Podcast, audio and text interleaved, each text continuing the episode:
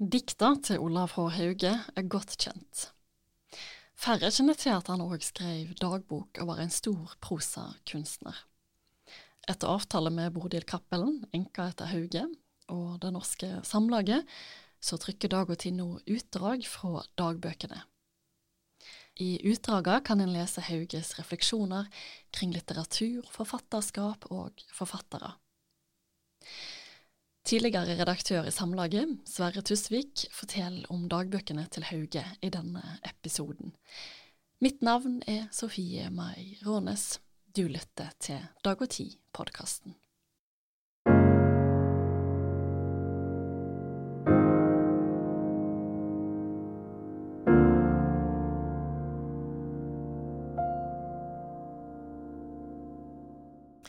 Dag og Tid trykker hver uke et utdrag fra Olav H. Hauges dagbok 1924-1994, som ble utgitt på Samlaget i 2000.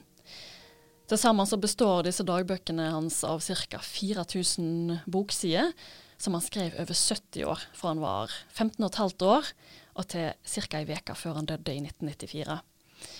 Og med meg i studio i dag er Sverre Tusvik, som har skrevet forordet til dagbøkene. Velkommen. Du var redaktør i Samlaget da disse bøkene ble gitt ut. Og aller først så lurer jeg på, hva har Hauge betydd for deg?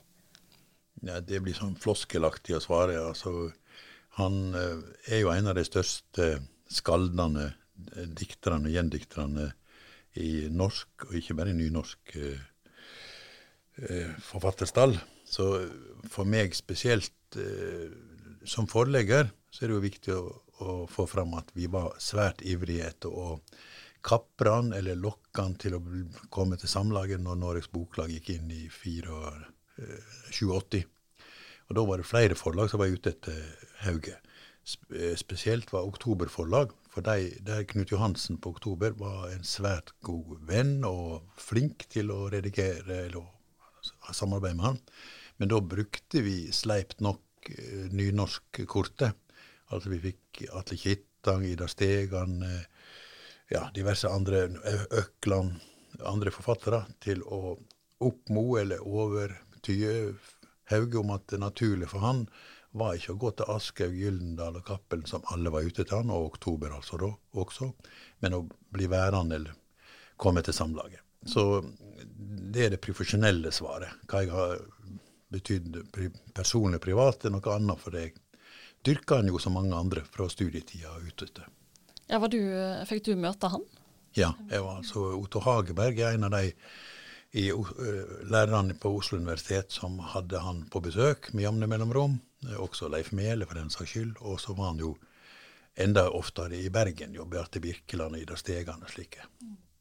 Så jeg møtte han slik. Og så møtte, reiste jeg jo personlig til han for å overtale han til å komme til Samlaget. I Ulvik. Ja ja. over natta. Og fikk bu, jo han og Bolkappelen på eget rom i andre etasje. Der lå dagbøkene framme, altså dagbokhefta. For det skjulte han jo ikke. at han, Jeg hadde hørt rykte om det fra Jan Erik Vold og Stegan, at, at, han skrev. Og at han ikke kvidde seg for å vise at han skrev dagbok. Men uh, ingen hadde fått sett det. Nei, altså, De fleste kjenner jo til diktene til Olav H. Hauge. Er det like kjent at han skrev en så omfattende dagbok òg? Nei. Eh, det, det som overraska folk altså, Vi visste jo når, når, vi fikk brev fra han eller andre brevveksler med svært mange, at han var vel så eh, poetisk i prosaen som i dikta. Eh, og at det aldri kom en tilfeldig setning. Eh, heller ikke når du snakka i telefon med han.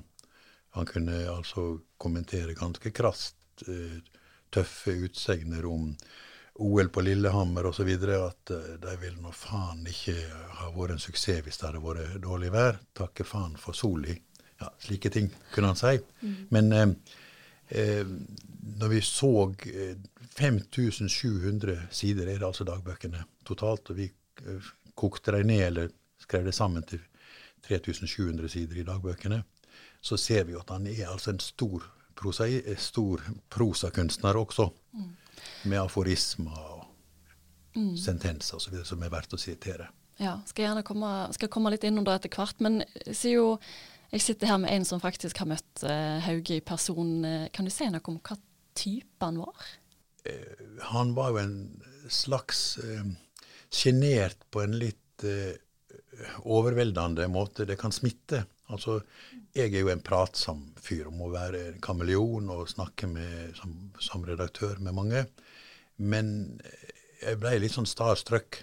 Altså når, når en som, som veger sine ord, og har så mye og, uh, innhold og kunnskaper Skal du kommunisere med en slik, så blir du litt sjenert. Uh, altså slik at, uh, som jeg nevnte, at jeg har fransk som fag, og han står og peker i bokhylla. Der står doktoravhandlinga til Atle Kittang om Rimbaud.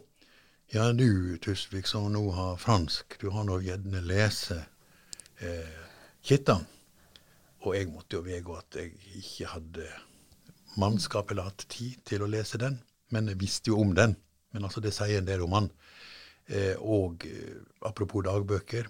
Eh, vi visste vel ikke at han skrev dagbok sjøl, men men en ser jo i dagbøkene hvor mange dagbøker han sjøl har lest og skaffa seg fra verdenslitteraturen, av de store, klassiske, og kjente og mindre kjente. Ja, Hvis vi, da, hvis vi da går tilbake igjen til dagbøkene, da. Hvorfor, eh, hvorfor bestemte du å og, og å, gi ut disse dagbøkene? Ja, bestemte det var, Vi syntes det var ei gave når Boligcappelen, enka, altså Hauge dør i 1994, og øh, for Bodil var det nok viktig å ta vare på dette. Så i 95, altså et år etter at han er død, så ber hun meg komme bort under frukthausten og hente noen kasser med gulrød gravenstein. Eh, innimellom, under disse gravensteinkassene, så lå det òg to kasser med 84 hefter med dagbøkene. De 5700 sidene som jeg snakka om.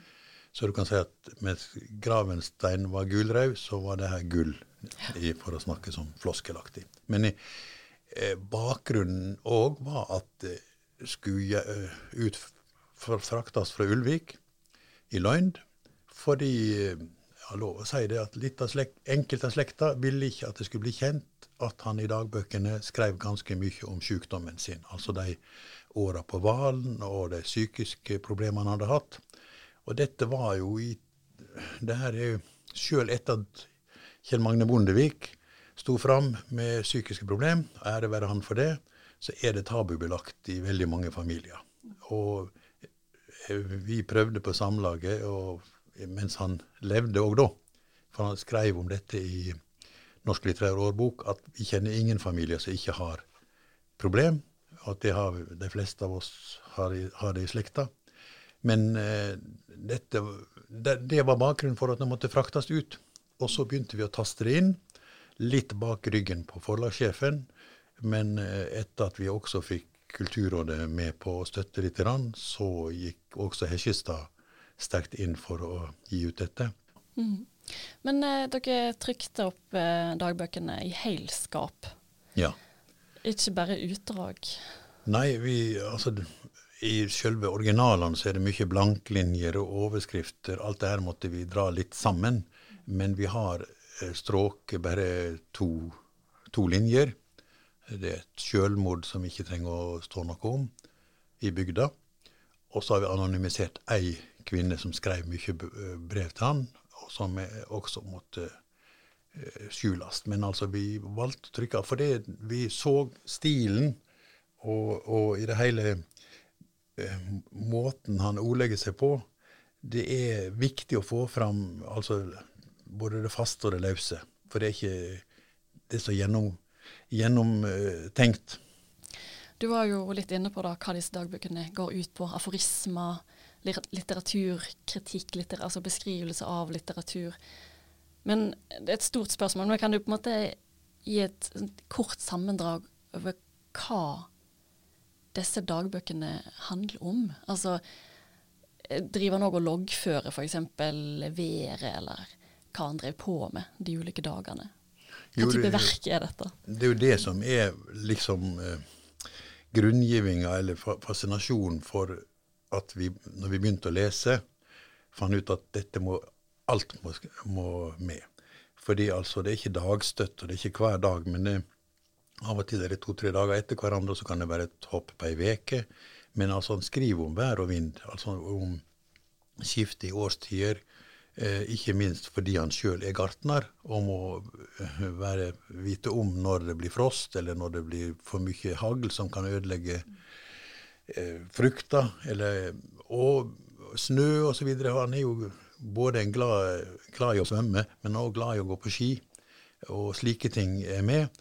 Eh, pluss at han omtaler folk i bygda, men ikke minst omtaler han òg mye eh, navn på fjell, han kommenterer jo også radioprogram. altså Etter at fjernsynet kommer i hus, så kommenterer han slike ting.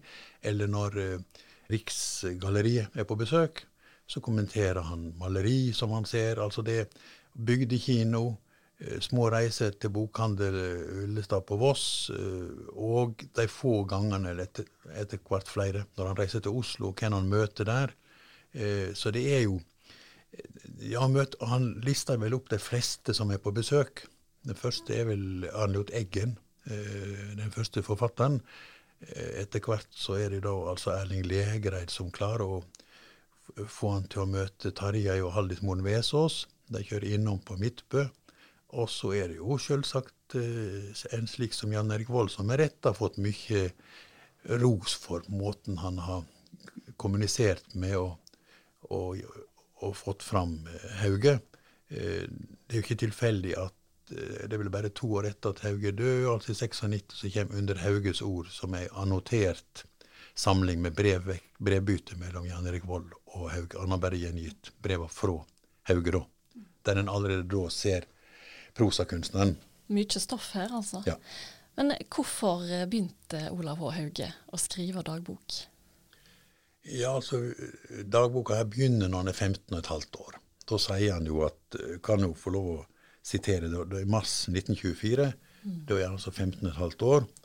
Og så skriver han En tanke slo meg her om dagen. Jeg skal føre dagbok. Det vil verte hugnad med den. Ja, ikke dagbok i vanlig mening. Værs og hendingar, handel og vandel, kjøp og sal. Nei, ei dagbok over tankar og hugskott. Ei åndelig dagbok. Og meir slikt som kan være verdt å minnast. Det trenger ikke være hver dag, fylgestrengt med dagetall og slikt. Det får være når jeg har tid, og ellers om helgedagene soleis. Det kan jo være en grann hugnad med det. Men jeg må ha papir. Helst ville det være om jeg kunne få fatt i ei stor linjebok. La meg sjå på det. Og kanskje kan jeg med det samme og i samme boka rite ned meninger om ymse bøker soleis. La meg tenke på det. Ja, nå har jeg tenkt på det. Og så begynner han å skrive om brann til Ibsen. Og det som er Eh, vi fant ei lita bok før han skriver dagboka. Så sitter han altså oppi eh, bakkene over gården. Der er vel før han kommer til Rosvoll, da.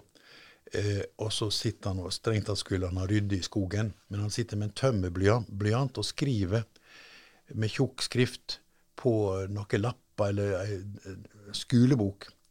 Og det sier en del om mangelen på papir. Det er folk skjønner ikke det. Altså, det er faktisk mangel at han må skrive i ei bok som er brukt til andre til skoleting. Og da er det at han begynner å tenke enda mer kunne kjøpt meg ei lita skrivehefte, så kan jeg begynne å skrive. Og så skriver han altså om alt han leser, og litt kokett. Han sier at jeg har jo ikke lest så mye. Jeg har lest 464 bøker i bok, folkeboksamlinga. Altså han leser alle de har der. Og så har han denne morbroren, onkelen, altså Edmund, som er amerikaner, eller som har vært i Amerika, og som er litt anarkist. og som også, Han arver jo alle bøkene etter han når han dør, men han får lånt tidsskrift, engelsk, altså, å lese, altså fra han er 15-16. Altså, han har trøbbel på skolen, for han er jo mye sjuk, men han lærer seg altså Én ting er engelsk, han lærer seg fransk gjennom å låne fransk eh, leseboka. Eh, og så tysk, selvsagt. Eh, og er lei seg for at han ikke kan latin og gresk. Så når han møter en sånn fyr som Johannes Gjeråker, som jo nettopp døde, eller som det er gjenutgitt eh, gjendikting av nå, eh, så er han nesten litt flau. Jeg kan jo bare disse europeiske måla, mens Gjæråker han kan jo altså både persisk og latin og gresk osv. Mm. Så, og jeg må òg være flau når jeg ser at Hauge, når han er 19-20 år. Sitter og leser Omar Khayyam, den persisk-klassisk forfatter som da Longfellow har, er det vel, som har gjendikta, eller andre engelske. Og også Seipel, eh, han, han med Fyrebilsbibelen til på nynorsk, som også er en av heltene til Hauge. Men iallfall, da Jeg blir altså 50 år før jeg veit hvem Omar Khayyam er. Her sitter 20-åringen og kan dette og er lei seg for at han ikke kan sanskrit og persisk. Altså, du, ja. du blir litt overdotten, eller audmjuk, som det heter da, når du møter et slikt menneske. Ja, Han skriver jo sånn som du sa mye om disse bøkene som han, som han leser. da. Og Jeg skal bare sitere eh, litt fra dagboka fra 1927, som illustrerer dette her, da, som du sier. Jeg leser og leser, jeg lever i bøkene og av bøkene. Uten bøker kommer jeg til å gagne nord og ned. Ja. ja, det er jo et liv i dikt eller i, i skrift. Altså Han er gartner og lever i Ulvik. Og av og til kan du virke som på slutten at han tenker at jeg kun hadde hatt andre vilkår, så kunne jeg vært en god filolog, og han kunne hatt en akademisk karriere. Og han kunne òg vanka på Teaterkafeen, som vi tok han med på noen ganger. Da skjønte vi at han spurte oss sånn forsiktig ja, hun Haldis, hun har vel vært ofte her, hun? Og da skjønte vi at vel så mye som å være gartner, kunne han nok likt å sitte litt på Teaterkafeen, han òg. Ja. Ja. Fins det, du nevnte i starten at han, at han hadde jo lest en del dagbøker sjøl, som andre hadde skrevet. Eh, Fins det noen dagbøker der ute eh, som kan sammenlignes med dagbøkene til Olav H. Hauge? Nei, vi mener jo, eller, og det er ikke bare et forlagsslagord, altså at dette er de lengste sammenhengende dagbøkene nesten i verdenslitteraturen. Altså det er 70 år, 1924 til 1994. Og eh, det er jo utrolig at de altså hele tida, særlig de to første bandene, da må jeg få lov å si at det er de jeg er mest eh, svak for, da er det jo eh, om litteratur, om filosofi, om uh, bøker, men og litt grann om uh, verdens uh, politikk, verdenshistorie. Altså, livet går jo sin gang mens han kommenterer. Han er jo innom både Mussolini og Hitler, altså, og seinere Stalin, og han altså kommenterer de forferdelige. Men, eh, og litt om norsk politikk. Men ikke minst er det veldig mye med jevne mellom opplisting av hvem som er de store dikterne både i Norge, på nynorsk, eh, og det skifter jo litt. altså Han setter Aukrust veldig høyt. Ola Dun setter han høyere enn Hamsun og Undset. Det syns jeg er litt kjekt, eh, for Dun er jo en som mange nå ikke setter fullt så høyt, eller sier han, han er glemt. Mens Hauge da eh, er en veldig god ambassadør for gode diktere. Altså, Olav H. Hauge ble jo egentlig ikke kjent før på 60-tallet. Eh, og etter hvert så gifta han seg jo. Eh, var det 1975 han gifta seg ja. med Bodil Cappelen? Kan du se noen endring i, i dagboknotatene hans uh, etter at han ble kjent og etter at han gifta seg? Ja, etter, altså, Det ene er jo at det er en myte om at han var så lenge miskjent. Det er jo litt ikke helt sant alltid, fordi han får jo kritikerprisen ganske tidlig. Og det er jo stadig meldere som eh, framhever han, også før profilgjengen eh, begynner å dyrke han. Og det fine er jo at flere av dem viser at han både er en romantiker, men også en slags modernist med enke, altså konkret poesi og Eh, og de, de, skjønner ikke minst hva han har drevet og gjendikta, altså trakel, altså tyske og franske og engelske. Eh, og i tidlige år, så, før han også debuterer, debuterer jo først i 46, så får han jo på trykk gjendiktingene sine i eh, aviser og tidsskrift, altså i mellomkrigstida. For, og sonetter av Shakespeare, som han arbeider veldig mye med. Men eh, spørsmålet ditt var om jeg Hva var det igjen? Pass. Ja, spørsmålet var eh, om det, om, det endra seg ja, om du så noen endringer i dagbøkene etter han gifta seg, og etter at han ble kjent? jo, for det, altså, det er jo klart at uh, mye, uh, Nå nevnte jeg at vi anonymiserte uh, andre kvinner, eller ei kvinne som skrev der mye. eh, med jevne mellomrom er det jo folk som dyrker han og skriver til han, eh, og det er gjengitt i dagbøkene.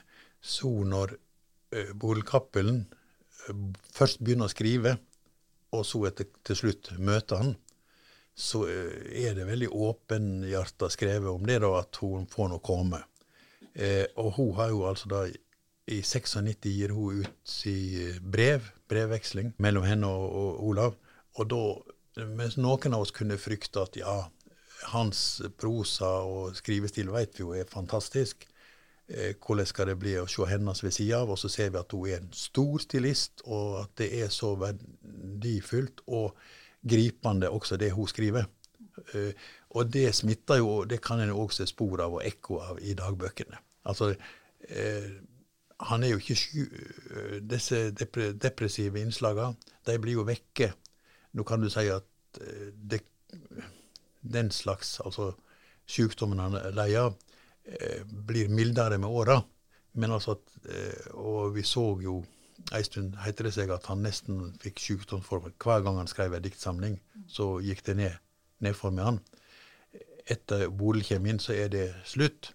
Men det er jo ei selv om noen i, i, i litterære miljø kunne være eh, sjalu på nesten at Bodil kommer inn i livet hans, så ser alle nå etterpå at det var en velsigning. Både privat og også hun klarer å oppmuntre han til å skrive videre.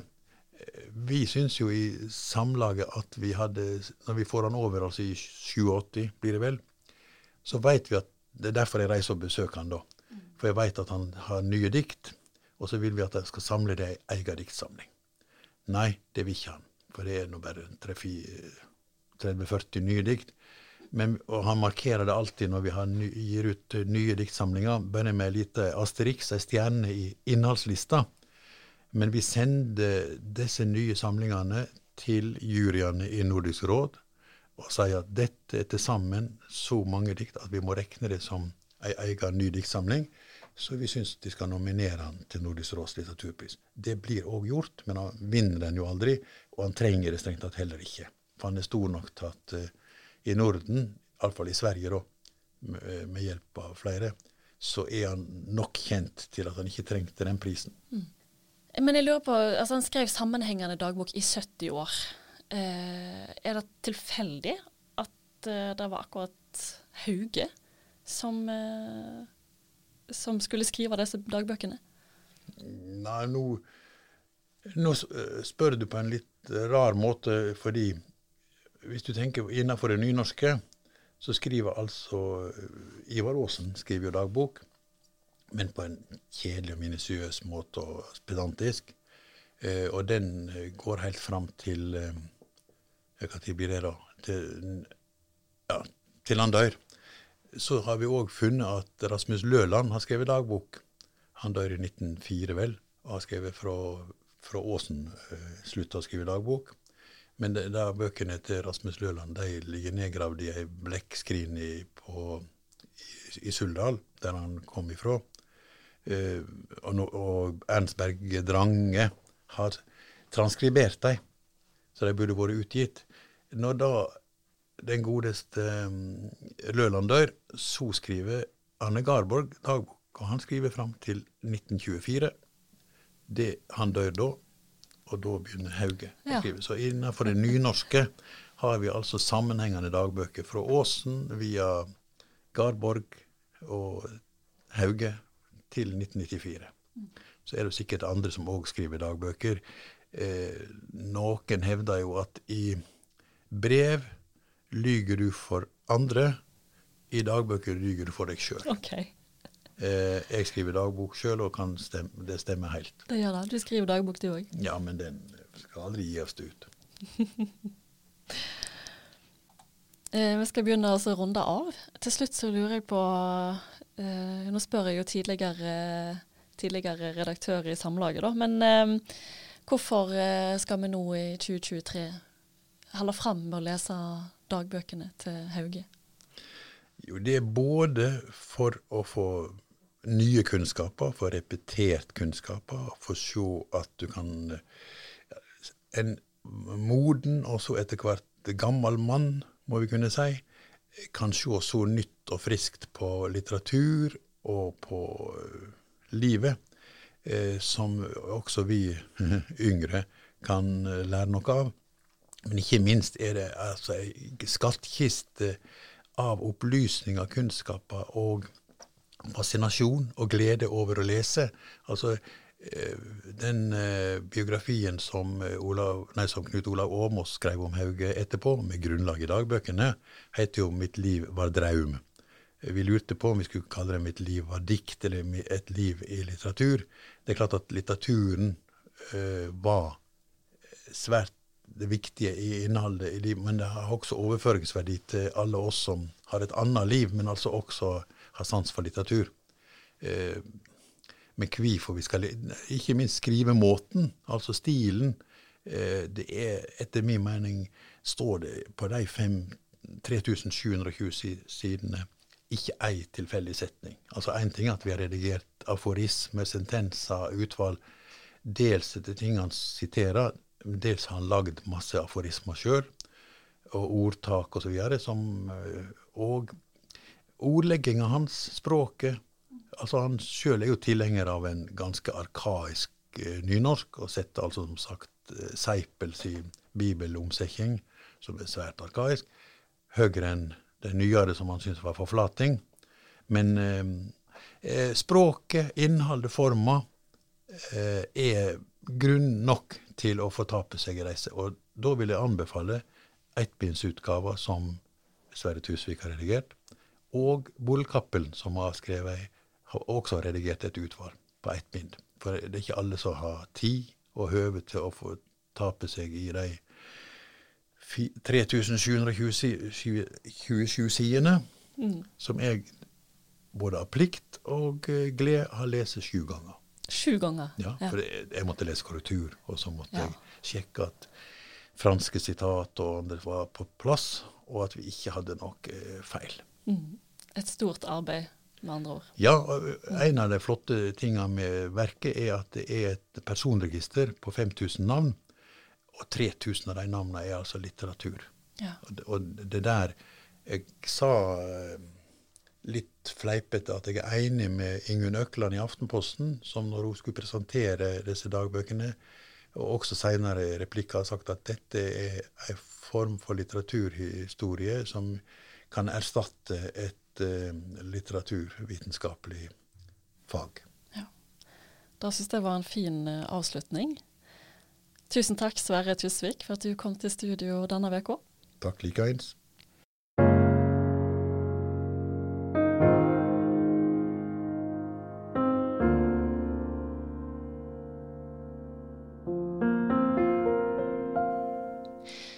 Lytter til Dag og Tid-podkasten. Hver uke kan du altså lese et utdrag fra Hauge-dagbøkene. Er du ikke abonnent, ting er et gratis prøveabonnement på dagogti.no prov. Takk for at du lytta.